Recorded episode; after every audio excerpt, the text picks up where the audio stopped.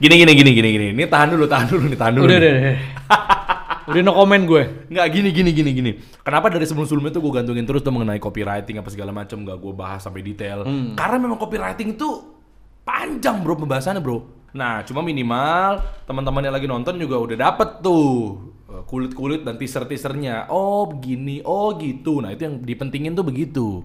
Jadi di copywriting itu eh, yang sempat kita bahas kan mengenai eh, headline ya kan? Jenis-jenis headline ada juga switching perspektif gimana cara kita menulis tuh agar iklan kita tuh eh, tergiring opininya ke benak para calon pembeli. Akhirnya seti- setidaknya mereka langsung masuk ke iklan kita dan terjadilah proses selling atau call to actionnya kena gitu ya. Iya. Mengenai copywriting yang ini adalah ada teknik yang namanya ini rumus lagi nih teman-teman. Trends Trends itu kalau lu cek dia ya minimal lu cek di Google Translate lah. Itu kesurupan, kerasukan, merasuk atau mungkin di bawah alam bawah sadar apa segala macam lah ya. Wars itu kata-kata.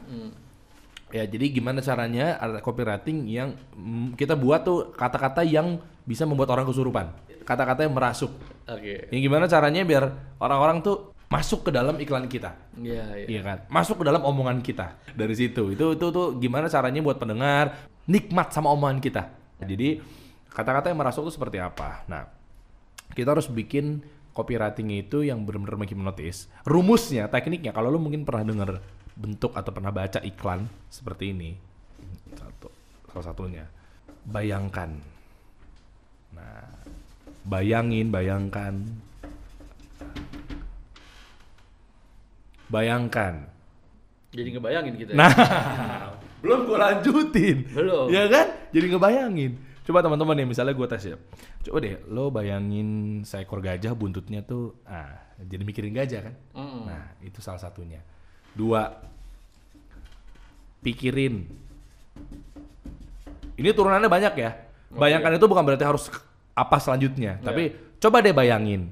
Eh, kalau kita bayangin nih, nah, eh bayangin deh, Hmm. bayangkan deh, kebayang nggak sih? Nah, nggak harus di depan, di tengah-tengah boleh, tapi biasanya di awal paragraf itu asannya atau baiknya di awal paragraf atau mungkin di pertengahan atau setidaknya minimal kalau lo mungkin bingung cara ngaturnya di mana bebas, Yang tapi penting akhirnya ujungnya menjadikan itu atensi ya. mereka ya. Nah, makanya dengan caranya atensi itu biasanya para pengiklan itu taruhnya di depan, ya kan? Jadi Di awal-awal lah Di awal-awal, karena kan headline udah bagus, sayang ketika ini taruh di belakang. Kenapa? Khawatir si pembaca atau si calon buyer itu nggak baca sampai habis, nggak kena call to action, akhirnya terjadinya eh, gagal selling.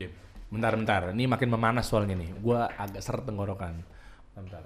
Boleh tolong minum? Sekian persen tuh. Kagak lah. Tuh, nanti lah, ntar gue taruh. Makanya ini sebenarnya pancingan buat para pemilik produk. Bisa loh kalau mau naruh di sini nih, ini space-nya available lah. Daripada gue taruh sekian persen nih, mendingan lo taruh produk lo, tau gak? Bayangkan gitu, kepikirin, coba dipikirin. Eh, kalau dipikir-pikir nih, lo akan mikir nggak? Eh, misalnya contoh, eh sebentar, eh, kamu yang lagi baca tulisan ini belum nyampe perempatan kuningan juga. Gue dalam hati gue suwe, gue lagi di bener-bener macet banget gue baca. iya lagi gue di sini. Oke lanjut lagi ya, ini ini ceritaku intinya kayak gitu. Jalanin lagi, jalanin, jalanin, jalanin, ujung-ujungnya oh, udah pulang, terus anak udah tidur, nggak sempat main sama anak apa segala macem, istri juga udah capek gitu kan. Ya sudahlah ya, memang seperti ini kali ya ngadepin ma- macet di Jakarta. Kamu nggak pengen kayak gitu, gue cekin aja. Ujungnya gitu bro, gue cekin aja. Di situ kita ada kayak mikir terus ada keresahannya ya. Iya. Kayak membenarkan iya bener juga tau gitu. Nah, Gojek ya. apa switching perspektifnya? Teman-teman udah nonton di situ kan, udah pernah tahu ya apa switching perspektifnya? Dia ganti lu ngalamin macet sekarang juga di depan itu diganti dengan cara cerita orang dulu keresahan. Itu itu tuh kalau antar lah di dalam kesempatan kita bahas tentang bedah brand ya atau bedah copywriting. Iya. Itu banyak banget itu iklan-iklan yang luar biasa gitu brand-brand. Itu mereka juga kuat banget di sini. Nah, bayangkan pikirin terus yang ketiga juga bisa Hmm. lupa ya kamu udah makan. Nah, SMS bro muncul. Padahal emang kita belum makan ya. Nah, oh iya juga ya. Lupa ya. Gue pernah dapat SMS kayak gini soalnya. Hmm. Kan notif-notif SMS tau ya dari Gojek ya. Iya. Lupa ya. Oh iya, belum makan kita ya. Ah, jadi mikir kan. Mau nggak mau, GoFood aja kali ya. Nah, kayak gitu salah satunya. Ini harusnya- Karena mungkin pas lagi diingetin pas lagi sibuk segala macam ya. Nah, tapi dengan dia munculnya kayak gini. Iya, iya. Coba kalau tiba-tiba langsung bilang martabak, nasi goreng, sate ayam, dia ngiklan seperti itu. Maaf ya, bukan berarti gua merendahkan para si pelaku atau owner-owner business owner sate apa segala macam ya. Tapi kan kita mikirnya, gua nggak lagi pengen sate ayam ya. Tapi diangkat Transwords-nya, kata-kata yang merasuk si pengguna handphone atau pengguna gadget, lupa ya Hmm. makan siang. Oh iya ya, kita mikir. Lupa ya. Apalagi imajinasiin. Coba deh lo imajinasiin. Nih ya, kita berimajinasi ya. Tuh, imajinasi. Coba deh kita berimajinasi. Oke, teman-teman ya, coba ya. Nih, gua akan ajak lo untuk berimajinasi. Nah, itu bagian dari copywriting. Eh, barusan diskusi sama pegawai. Gitu, Iya dong. Barusan diskusi sama pegawai. Bukan menggiring kalau lu diskusi sama pegawai bukan gitu Iya, iya, iya. barusan diskusi sama pegawai nanya eh kalau baju muslim dijual 250.000 ribu rupiah dengan bahan kain seperti ini kira-kira wajar nggak ya lu mau beli nggak ya coba deh lu bayangin nih dia ngomong gitu ke pegawainya masuklah Transwords dia nulis padahal pegawainya bilang seperti ini "Eh, Pak, kalau dengan bahan seperti ini, kayaknya wajar 150 ribu rupiah, kurang lebih seperti itu harganya, atau 100 ribuan lah. Dijawab lagi sama Pak Hermas. Memang sih kalau dipikir-pikir 100 ribu juga udah kenceng banget penjualannya sih. Coba deh ntar gue pikirin deh. Dihajar lagi sama dia. Untuk bikin produk yang dengan seperti ini bahannya, harga segini, warna segini, warnanya ini apa segala macam. Di ujungnya call to action. Hmm. Lo lihat komennya ribuan di situ postingan Pak Hermas. Apa coba call to actionnya?